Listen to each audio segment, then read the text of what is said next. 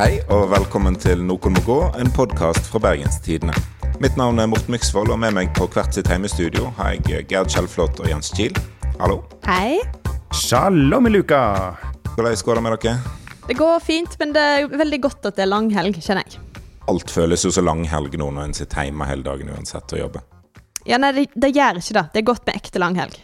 Det blir godt å liksom få lov til å endelig kunne være litt hjemme i ro og mak med familien. Mm. Ja, det er det jeg tenker på. Litt forandring for hverdagen. Ja. I dag så skal vi snakke om hvor lenge vi orker denne koronakrisa. Vi skal se på hva distriktsministeren bruker tida si på, og så skal vi en liten tur til Askøy. Ellers eh, vil jeg anbefale Koronapodden, som i dag vil handle om hvordan en arrangerer gudstjeneste i koronatidene. Et virkelig bredt tema der, altså. Men først så må vi høre på hva helseminister Bent Høie har sagt denne veka. Men eh, hytta den ligger jo der helt i ro og venter på deg. Og kontoret på jobben er omtrent akkurat sånn som det var når du forlot det. Sånn er det ikke når du er ung. Våren du fylte 14 år ligger ikke i ro og venter på at du skal komme. Og det er ikke mulig å vende tilbake igjen til sommeren når du var 17. Og russetida kan ikke spilles i repeat. Som voksne snakker vi om eh, neste sommer, men eh, neste sommer det er for middelaldrende menn som kjøper karbonadedeig og dopapir på tilbud. Neste sommer fins det ikke når du er ung. Denne talen eh, til ungdommen har ja, gått viralt, som de sier, denne veka. Um, ble dere rørt av uh, Høies budskap om at det er virkelig ungdommen som ofrer mest, og ikke hyttefolket som kan kjøpe karbonadedeig til neste sommer òg, uh, Gerd? Ja. Um, eller ikke rørt. Men eh, vi har jo ledd en del av Bent Høie i denne podkasten her. Det må vi bare innrømme. ledd med så... og ledd av. Ja, det er sant. Det er godt meint. Men eh, Og han har jo hatt forskjellige forsøk på eh, patosfylt taleframføring gjennom denne krisehåndteringen. Men denne gangen traff han jo, eller taleskriveren, da, alt ettersom, faktisk blanken.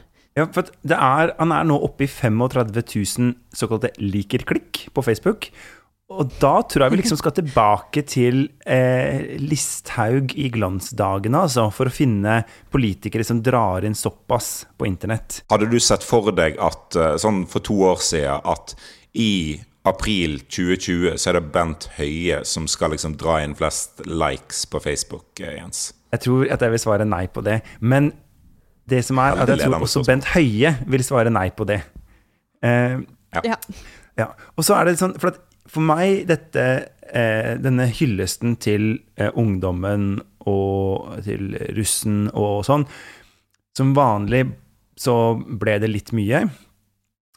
men det har jo åpenbart ingenting å si. Altså hva jeg måtte mene, er på en måte relativt uvesentlig her. Poenget er at han traff en eller annen nerve i folket så innmari.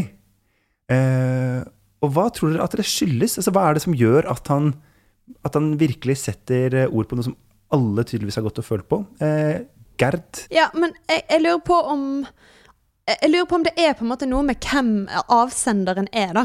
For du hadde ikke helt sett for deg at det var Bent Høie som skulle stå og hylle russen, på en måte. Jeg tror Det må være det som gjør det så sterkt. Fordi nå har han stått og, og formant oss til eh, det ene og det andre og det ene og det andre, og så plutselig så bare eh, Så hyller han liksom russen. Eh, så jeg tror det er noe med det. Eh, og så liker jo folk utrolig godt når vi skryter av ungdommene, da. De gjør jo masse teit.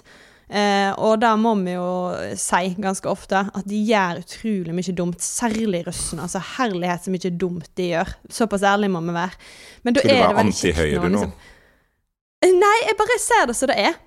Ja. Noen må se det som det er. Nei, men, men tingen er at det Høie sier, var jo sant. Altså når han setter ja, opp ja, motsetningen mellom ungdommen, 14-åringen, 17-åringen som går glipp av denne sommeren her, og som har sett fram til sommeren, og alt det liksom ja, sommeren betyr når du er ung.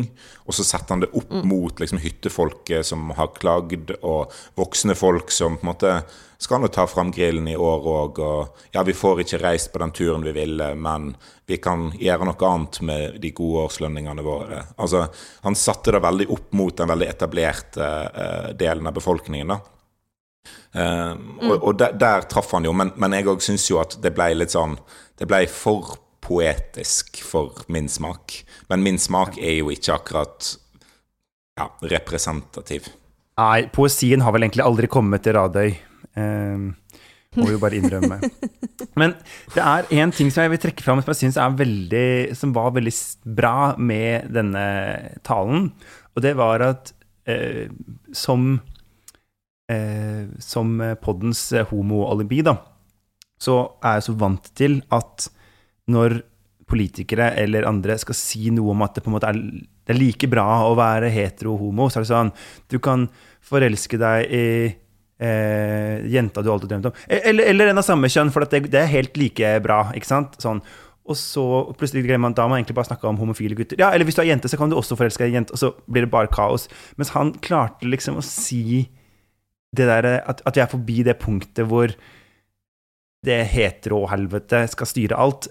Han sa det på en supersubtil og bra måte. Og det, der tenker jeg at alle andre politikere Gå inn, les, lytt, lær og gjør som eh, Bent Høie. Takk. Enig at det var fint. Nei, og så tror jeg bare folk folk trenger dette når folk trenger litt håp og folk trenger litt skryt, fordi det er ganske tungt. Og så det er veldig fint å erkjenne på en måte at denne koronakrisen har utrolig mange alvorlige sider. Um, og de må vi snakke om, og de må vi tenke aller mest på. Men så er det også de der småtingene som er at folk går glipp av store milepæler i livet akkurat nå, da. En del av de milepælene er jo sånn som folk ser veldig fram til, sånn som russetida. Men er egentlig ja. russetida noe å Ha jomfrudommen. Er russetida egentlig noe å se fram til? Altså, er det så stort som det skal være? Altså, ville dere, hvis dere hadde fått koronaavlyst russetida deres, sånn sett tilbake igjen eh, mange, mange år, ville det ha vært et savn? Nei, men se på oss, da. Åpenbart levde ikke vi vårt beste liv i russetida, denne her trioen her. Det er på en måte Da ser man jo lang vei. Altså, jeg Vi hadde jo eh, fest med noen venner, eller ikke fest, men en slags middag natt til 17. mai, hvor vi, eh, da vi var russ, hvor vi kledde oss ut som Unge Høyre. For det var på en måte det gærneste vi klarte å komme på. Ja. Så jeg tror ikke, ja. det, er ikke, det, er ikke, det, er ikke, vi som skal delta i den spørreundersøkelsen. Men jeg må jo si sånn Jeg syns det er kjipt for, uh, for uh, kidsa, og, og, det kan være på en måte på de andre Altså sånn som broderen som egentlig skulle til uh, Costa Rica med noen venner og lære seg å surfe, og som er et mye større, kjipere ting å miste når du er 20 enn når du er 35, ja. ikke sant. Så jeg ja. syns det er fint. Og så er det kanskje dette med, litt som Gerd er innom, at vi Sånn som Jeg blir jo kanskje mer rørt når jeg får skryt av Monica Mæland, for hun har jo en stil som appellerer mer til meg. Den litt mer sånn eh, eh, Den liksom vestnorske, godlynte fascismen. Eh, og det Oi. Ja ja, ta det i beste mening, da. Men, ikke sant? Det, mens andre får nok mer ut av denne hyllesten fra Høie. Men skal vi gå litt ja. Eh, videre? Etter at jeg nå har eh, omtalt eh, justis- og beredskapsministeren som fascist, så kan vi kanskje bare avslutte der? Ja, ja bare, men la det altså, henge. Mm. Ja, for dette er jo den niende podkasten vår fra, fra heimekontoret, faktisk. Vi har snart spilt inn Oi. like mange her som i studio på jobben det er på en måte et tegn på hvor lenge denne krisa har vart, men det er òg et tegn på hvor kort tid vi har holdt på med denne podkasten. Eh, men, men, poenget er da Utrolig vakkert. Altså, kan du bli taleskriver for Bent Høie? Er det mulig å bare ja. sende en søknad? ja, det, det er ikke introen som er utfordringen, det er avslutningen. Det er da du skal ned fra toppen. Gå opp på et fjell av podkaster. Ja. Men poenget mitt da eh, var at det akutte med koronakrisen virker å være liksom litt over for denne gang. Altså, en har eh, kontroll på innleggelser, på intensiv. En virker å ha liksom god kontroll på ting, og, og samfunnet er i ferd med å, å, åpne seg opp igjen. Og da, mer enn forrige gang, da, så, så presser jo spørsmålet seg på om hvor godt klarer vi å håndtere det? For jeg, jeg føler i hvert fall på at det er vanskelig å ta stilling til om ting er greit å gjøre nå, enn det det var for fire uker siden. For da var svaret alltid nei. Har jeg lyst til ja. å gjøre noe, så er svaret nei.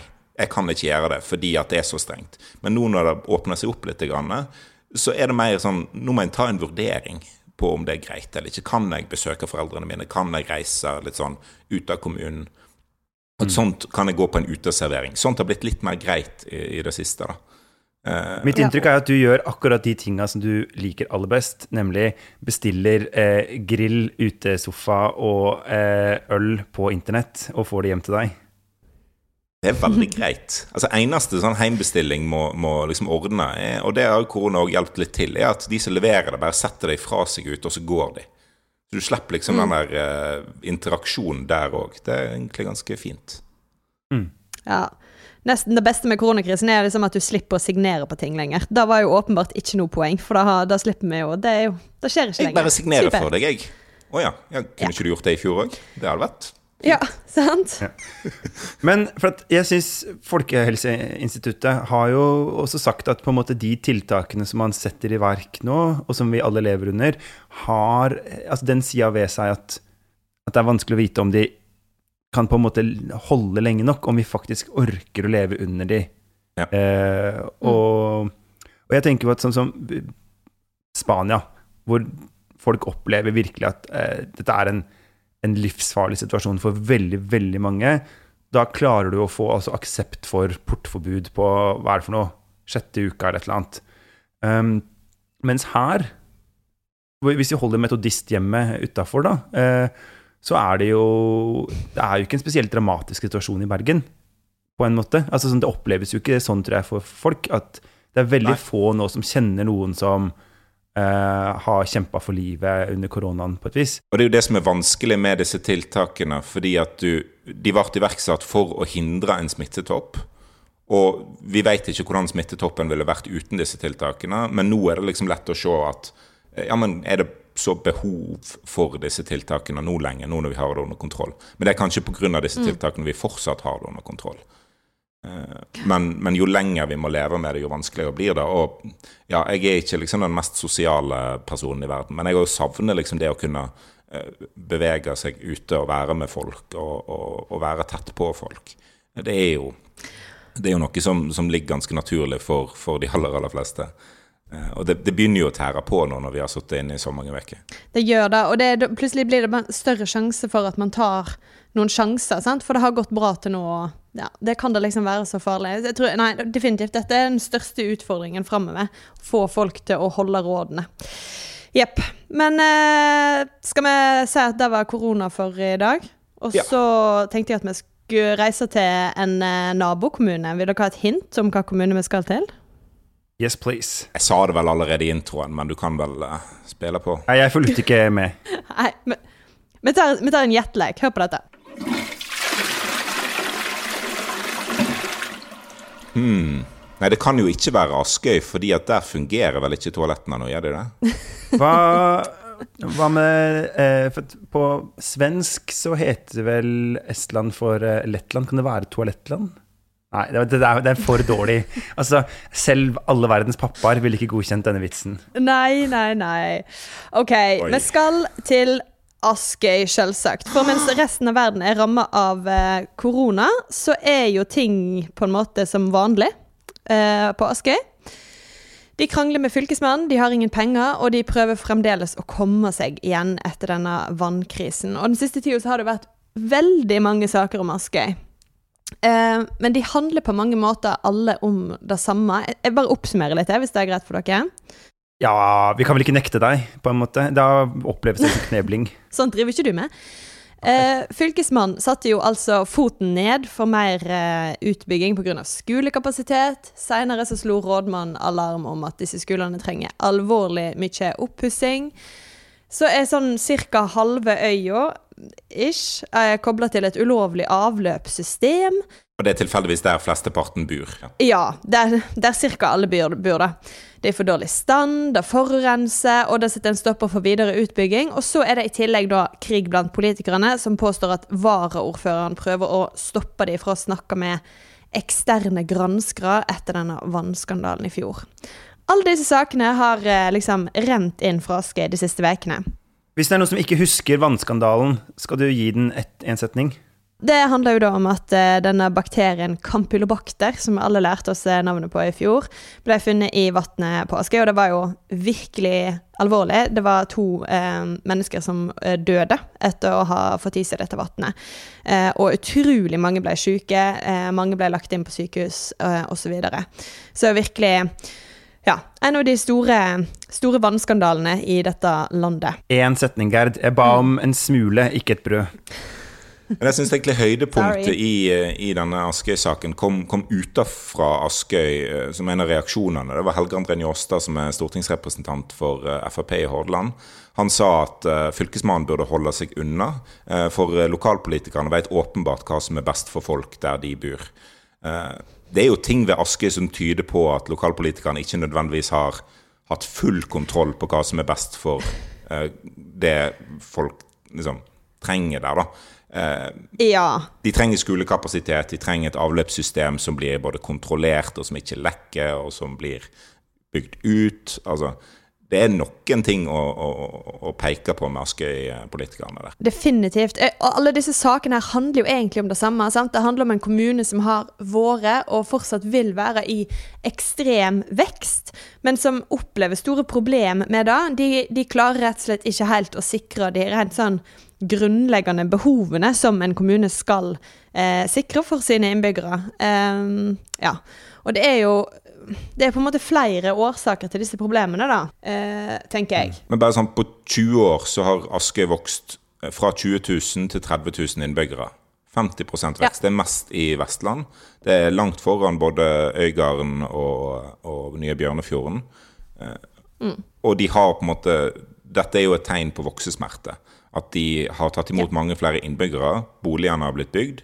Men skolekapasiteten, vann- og avløpssystemet, har ikke fulgt helt etter. Det er fortsatt, virker det som, et anlegg for Ikke helt. Ikke helt.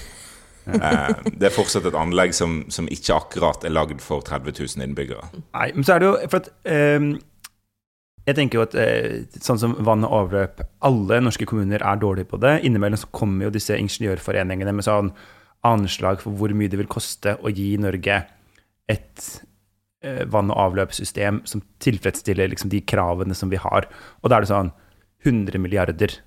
Eh, men, men de tingene men, er jo i tilfelle en skulle hatt et helt nytt vann- og avløpssystem i Bergen, f.eks. For eh, fordi at de 100 år gamle rørene som, eh, ja, ja, men de 100 år gamle rørene som ligger i Bergen, de oppfyller jo ikke dagens krav. Men mange av de fungerer jo helt fint. Så lenge de ligger i ro. Men eh, denne veksten, fordi det er den vi egentlig må snakke om, er det ikke det? Ja. Fordi mitt inntrykk er at eh, Bjørnafjorden, som er kanskje den andre sånn megavekstkommunen, og som har hatt det som et veldig sånn uttalt mål, at det er et på en måte mål i seg selv å vokse, de har jo ligget også i hard konflikt med Fylkesmannen, og med mye på en måte uro i administrasjonen og mange sånne ting. Men de sliter ikke med eh, dårlige skoler og stadige kriser i vann og avløp og, eh, og sånn. Er det noen eh, er det noen likheter, noen forskjeller her? Eh, Gerd Olini, du har jo fulgt eh, eventyret på Os i, ganske tett i noen Snart et tiår. Snart et tiår. Hvor gammel tror du jeg er? Nei. Nei, men det er i hvert fall en, en, sånn hovedforskjell som det er fristende å peke på. Og det er jo at jeg talte over i går, og Askøy har nå altså 13 partier representert i kommunestyret sitt, som har 35 representanter. Eh, på Os, eller Bjørnafjorden som det nå heter, det, men på Os eh, har det jo basically bare vært ett parti representert på mange måter de siste 20 årene. Og det har vært eh, Søviknes. Søviknespartiet.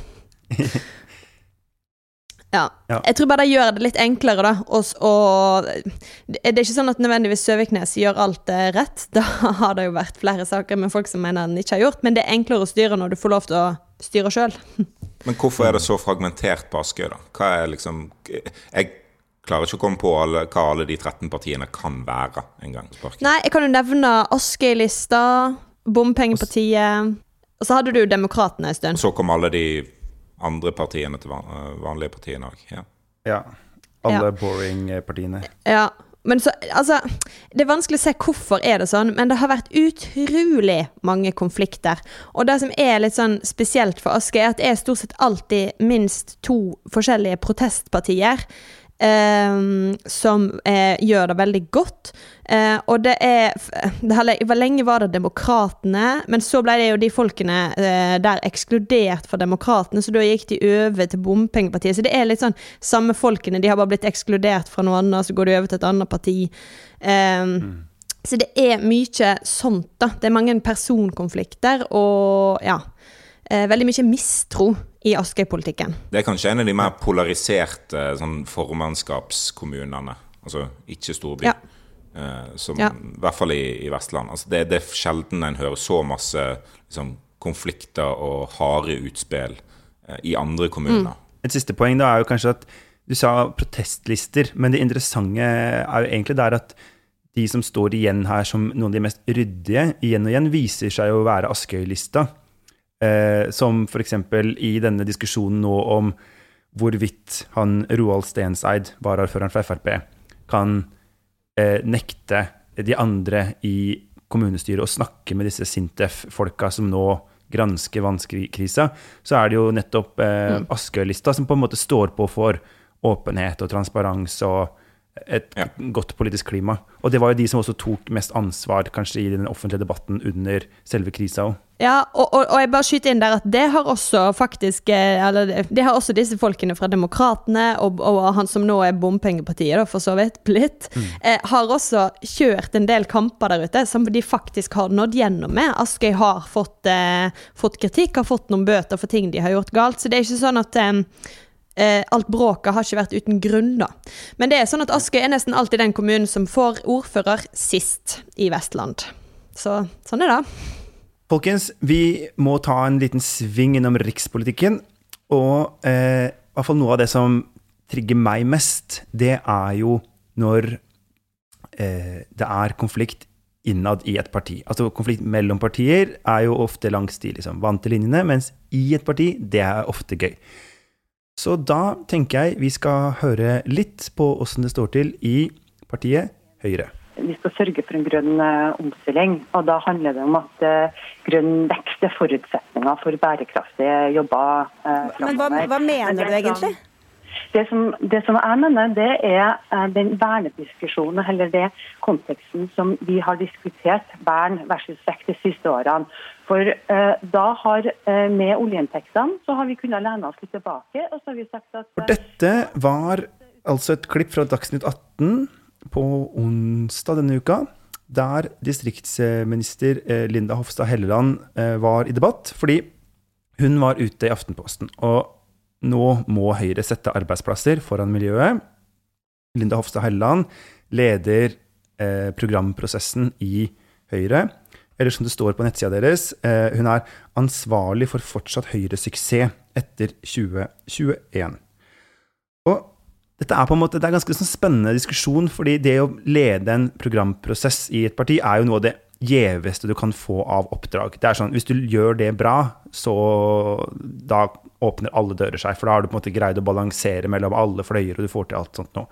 Hun har valgt foreløpig kanskje ikke en så vil si, balansert tilnærming til prosjektet, men mer sånn hardt ut og si eh, at vi, vi, må liksom peise på for oljenæringa og eh, gruvedumping og sånn.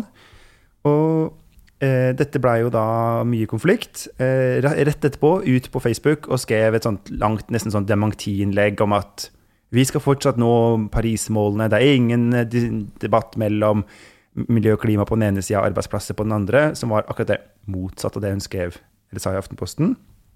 Eh, og i hvert fall mine kilder sier at dette utspillet i Aftenposten absolutt ikke var avklart i komiteen eller sånn.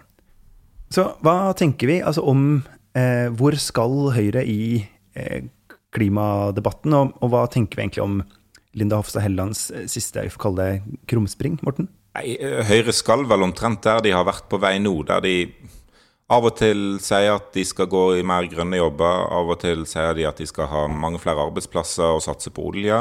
Og av og til satser de på at folk ikke skal oppdage at det er faktisk en konflikt mellom arbeid og, og miljø.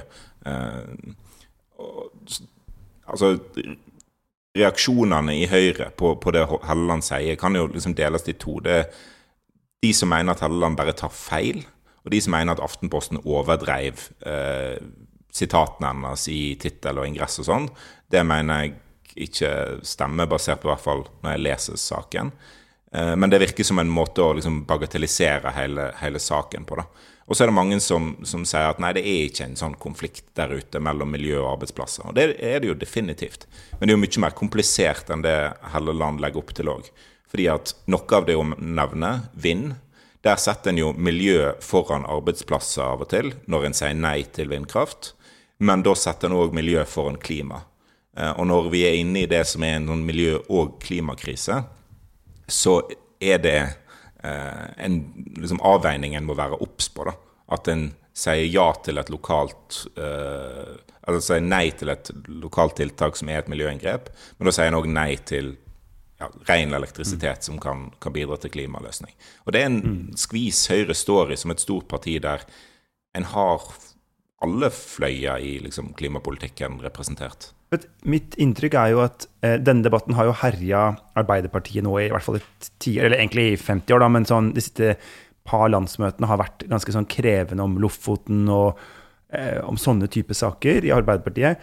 Og nå kommer dette for full styrke i Høyre også. Altså Henrik Asheim, forsknings- og høyere utdanningsministeren, og som er nestleder i programkomiteen, har jo vært veldig tydelig på at han ønsker et grønnere Høyre, og at vi må på en måte levere klimasvar og sånn i takt med tidas forventninger. Eh, men det trenger ikke å være de samme svarene som MDG, eller liksom den mer sånn klassiske naturvernrørsla eh, lanserer, da.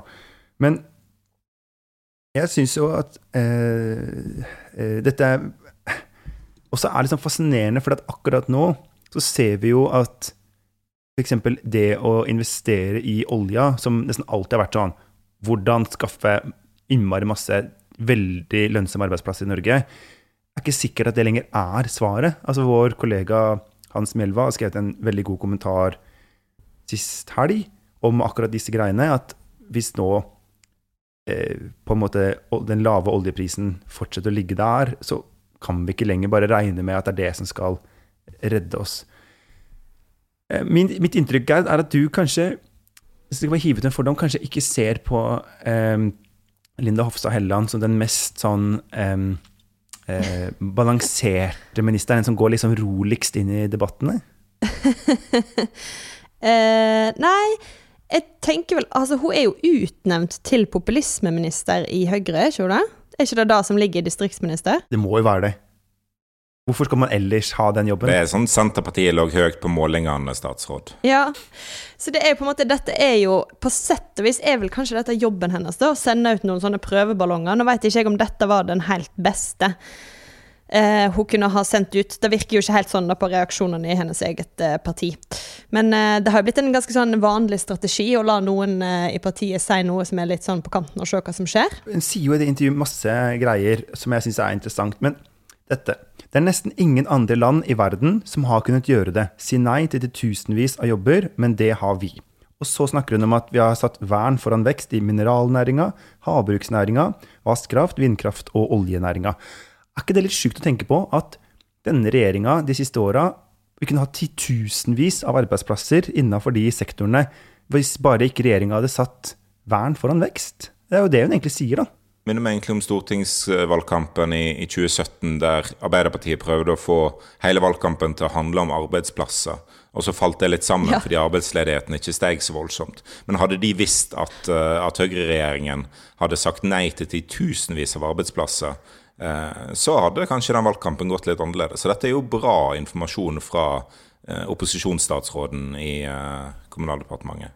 Opposisjonsstatsråden? Ja, altså hun, når hun kommer med tidenes burn mot sin egen regjering, eh, så er det litt opposisjonstakt ute og går der, altså. Det er Arbeiderpartiet som skal anklage regjeringen for å si nei til arbeidsplasser i Norge, ikke regjeringen sjøl. Mitt inntrykk er jo at eh, det veldig sjelden er sånn at det er Venstre selv som greier å redde seg over sperregrensa. Veldig ofte så er det på en måte Høyre som må ta litt ansvar. Er det dette som er Høyres gavepakke? Fordi hvis på en måte de går ut og sier så tydelig at vi skal eh, dumpe i fjorder, vi skal eh, bore etter olje overalt, altså om det skjer i hagen til naboen din, liksom.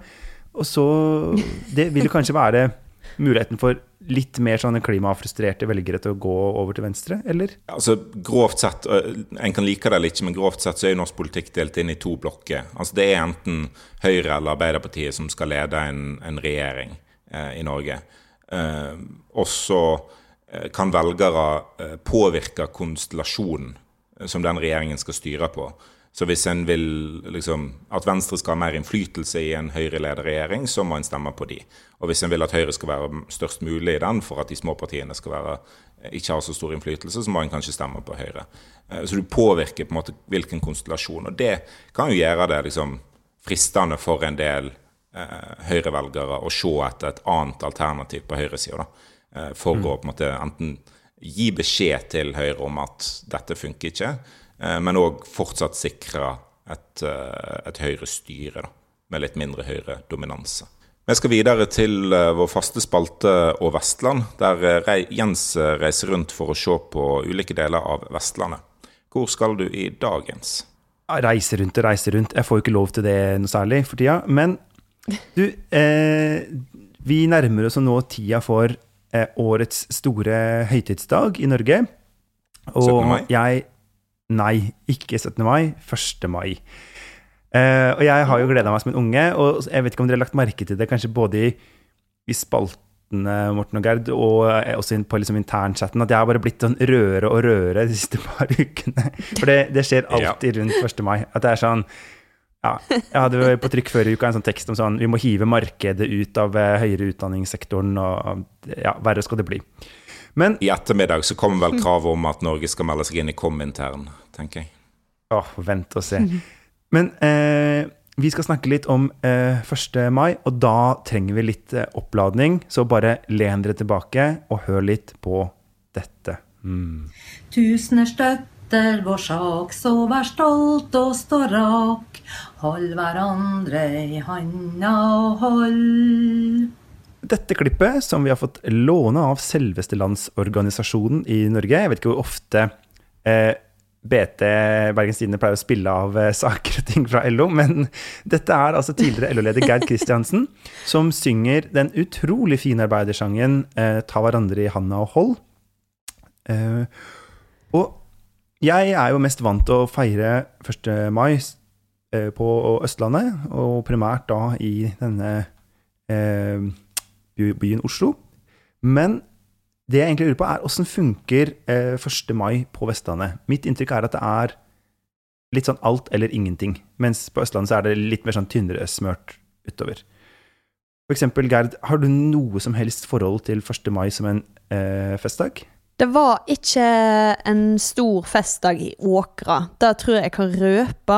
Um, det er jo rett og slett eh, Altså, Vestlandet Ja, du har nok rett. Vestlandet er enten 1. Eh, mai, eller så er det ikke. Og jeg kommer absolutt definitivt fra ikke-land. Um, har, har, Nei, jeg har null forhold til 1. mai. Ja, For hos dere er det på en måte bare 31. april? på mange måter. Det er jo veldig sånn utskjelt av dem å drive med hagearbeid på 1. mai. sant? At det liksom er det man bruker den dagen til. Men altså, hjemme er det virkelig det. For sant? På, på Sør-Vestlandet så står kristendommen sterkest. Så da er det å faktisk ha en fridag som du ikke trenger å holde hellig, det er ganske kjærkomment, da, kan du si. Da går poteten i jorda. Ja, fordi ellers, ja. for ellers så er det jo Du ryker jo på mye røddager i mai hvor du kanskje da skal prøve å oppføre deg litt fint. Ja, da. Da må du ha finklærne på. Å nei. Ja. Men uh, Morten uh, Myksvold, oppe i Nordhordland her, uh, hos, uh, der strilene regjerer, hva, hvordan ser det ut der? Jeg har i hvert fall aldri hatt noe særlig forhold til, til 1. mai som en, som en festdag. Og det, det er nok Altså, det er noen plasser i Nordhordland der, der, det står sterkere, men, men, akkurat som det er liksom spredd rundt på Vestlandet, en del plasser der 1. mai står sterkt. I Arna f.eks., eller i Odda, som vi har vært innom tidligere. Eh, mens i Bergen så er det nok litt sånn som eh, at ja, der, det er jo såpass stor by at der samles jo alltid måtte, nok folk til å Nok folk som mener at det er en stor dag å, å feire, da. Eh, mm. Sånn at det blir en, en markering i, i, Bergen hvert år. Eh, selv om mm. Bergen ikke er liksom kjent som arbeiderpartibyen i, i vest. Nei, eh, det må jeg innrømme. For jeg er jo da, fra jeg var kanskje ja, 14-15, så har jeg vært på Youngstorget stort sett hvert år. Eh, og alltid hatt litt sånn kvaler de siste åra, eller liksom mens jeg kom i arbeidslivet, da, med kan journalister gå på et LO-arrangement, og så har jeg alltid bare funnet på en litt sånn haltende begrunnelse for at jo, det, det må bare være lov eh, en gang i året. Og, men og det er jo sånn eh, 1. mai i Oslo, da er det alltid sol, og det er godt og varmt, og det er helt stappfullt på Youngstorget. Mens feira jo 1. mai her i Bergen i fjor, og det er jo litt mer hustrig. Eh, Torgallmenningen er ikke, ikke full, på en måte. Og selv om det er god kok, så er det ikke, det er ikke som Oslo. Og det kan man godt si at det er 17. mai, som vi sikkert skal komme tilbake til, er ganske mye villere i Bergen enn i Oslo, så tror jeg nok Oslo vinner 1. mai-kampen. Det har kanskje noe med Helt fornøyd med den fordelingen der? At, at Bergen ja, er, er, en litt mer borgerlig by å gjøre òg? Altså, historien er jo Bergen som en, en handelsby, eh, sjøfartsby, eh, ikke liksom tung industri. Eh, og en ser jo det de plassene der 1. mai står sterkt eh, på Vestlandet, er jo der eh, industrien har dominert. Og så er det jo litt sånn, Jeg bor jo inne i Storheimsviken, og deler av Bergen har jo vært Det har vært verft og verksteder og sånt, og det er jo ute av sentrum for lengst. Mens andre plasser, altså ja, Olvik og Sauda, hva, hva det skulle være, er jo mer fremdeles dominert av en industri- og en arbeiderkultur. da. Altså Odda har jo en stor arbeiderlitteraturfestival som egentlig skulle gått av stabelen denne helga, eh, osv. Mm. Eh, fordi Østlandet har mer det derre altså Alle plasser har liksom sitt eh, 1. mai-tog, mens her er det litt tynnere. Er det, er det håp for framtida, tror dere, eller er det sånn at det er liksom litt sånn gammalmannsgreier som må dø? Gerd? Um, jeg skal ikke si for sikkert, da, men, men uh, jeg, jeg, drev og snakka litt i går. da, Siden jeg jo ikke har et forhold til 1. mai, så måtte jeg jo uh, undersøke med folk som har forhold til 1. mai. Mannen min, eksempel, har jo da uh, spilt i korps hver 1. mai eh, i sin oppvekst i Svelgen, industribygda Svelgen. Eh, men han forteller jo òg at For de som ikke er så kjent, så kan vi si at den ligger i Bremanger eh, på kysten ja. av Sogn og Fjordane. Det er Nordvestland, ja. Uh, men, eh, men da han ser på, i løpet av på 90-tallet, så døde det litt ut, altså. Det er ikke tog mm. lenger i Svelgen. Um, så det, jeg tror jo ikke nødvendigvis at det er um, den festdagen det var overalt. jeg tror fortsatt det er en festdag i Odda og etc., etc., men en del av disse mindre industriplassene så står den kanskje ikke så sterkt som man gjorde da. Men så har vi vel kanskje sett en liten oppsving her i Bergen de siste årene. Så ja. Men hva, hva, gjør en nå, da? Når, eh, for, for, det er jo veldig masse snakk i Bergen om hva, hva gjør en når prosesjonen 17. mai ikke blir noe av? Hvordan blir feiringen og sånt? Er det, eh, på Østlandet er det sånn at uh, avisene er fulle av sånn Vi skal synge arbeidersanger sammen og lage video på internett og sånt? Eller hvordan organisere en 1. mai i koronaens tid? Digitalt tog kan du gjøre. Lage din egen avatar og, som du melder med din eh, egen parole inn på internett hos LO. Eh, så det gleder jeg meg jævlig til å gjøre i morgen. Hmm? Nei, helt alt er lov. Eh, etter hva jeg har skjønt. Oi. Så jeg er liksom spent på om man kan lage sånn eh, en, en, en, guffen parole, eller hvordan det liksom organiserer dette toget. Men, eh, men mitt eh, men egentlig Prøv å skrive 'modernisere arbeidsmiljøloven nå', og se hva som skjer med den parolen. Altså. men jeg vil jo ikke modernisere Altså, jeg vil jo gammeldagsrifisere den, eh, åpenbart. Men det beste 1. mai-arrangementet som jeg har sett, og som selvfølgelig finner sted på mitt kjære Østlandet, og som jeg er helt gal av ikke å få være med på, det er Drive-in 1. mai med Jonas Gahr Støre på Norges varemesse på Lillestrøm. Eh, taler og underholdning fra scenen, og i stedet for klapping så er det tuting fra bilene. Og det er så mye Østland på én gang. Har, altså det, så, det, virker så utrolig bra å være med på. Kunne, kunne det i det hele tatt funnet sted vest for Langfjella, tror dere? Jeg tror ikke det hadde vært veldig mange folk som hadde kjørt inn forbi bomringen i Bergen for å stå på bystasjonen og tute til Jonas Gahr Støre. Jeg tror potensialet for det er ganske lavt. Oh. En bomring er vel ikke noe de har på Østlandet, så der kan vel folk kjøre rundt og tute. Nei, der har vi nesten ikke bompenger i det hele tatt. Det er knapt nok et uh, fenomen. Ah, det er eh, Jeg håper, hvis vi noen gang skal lage livepod, eh, jenter, at vi lager en drive-in livepod hvor folk kan sitte og tute på oss når de er oh. fornøyd. Det hadde vært helt fantastisk. Hvorfor gjør vi ikke det? Vi har det på toppen av bygarasjen. Kom igjen. Vedtatt. Da har vi en plan. Ja. Før vi avslutter i dag, eh, er det noen som må gå denne uka? Det er jo ingen som må gå i 1. mai-tog, da. Bare sitte og tute i stedet for? Mm. Men eh, så var det jo ja, Bent Høie kan jo faktisk få lov til å bli sittende. Ja. ja jeg tror det. Vi skal være så raus. Ja. ja. Både han og taleskriveren. Lander vi på at dette er første, første uka hvor ingen må gå? Nei, Lidde Hofstad Helleland, da. Nei, hun, altså, Vi kan ikke kaste henne for dette. Og jeg syns heller ikke altså, eh, Og hvem skal på Askøy skal vi egentlig be om å gå? Nei, jeg tror foreløpig at jeg lander på at alle må få lov til å bli sittende. Veldig overraskende twist. Innspill og tilbakemeldinger og eh, ja, forslag til hvem som egentlig burde gått denne veka, kan du sende til nmg.alfakrøllbt.no eller i Facebook-gruppa Noen må gå. Intromusikk var bergenser av Bjørn Torske. Produsent var Henrik Svanøyk. Vi kommer med en ny episode hver fredag, og du finner oss i BT Lytt-appen eller hvor enn du laster ned podkaster fra internett. Ha det bra. Ha det! Seieren følger våre faner. Vi har gått under faner og plagg på en lang vei fra natt imot dag. Hån og spott har vi tålt, men når styrke ble målt, var vi sterkest, vi kjempet i lag. Thank you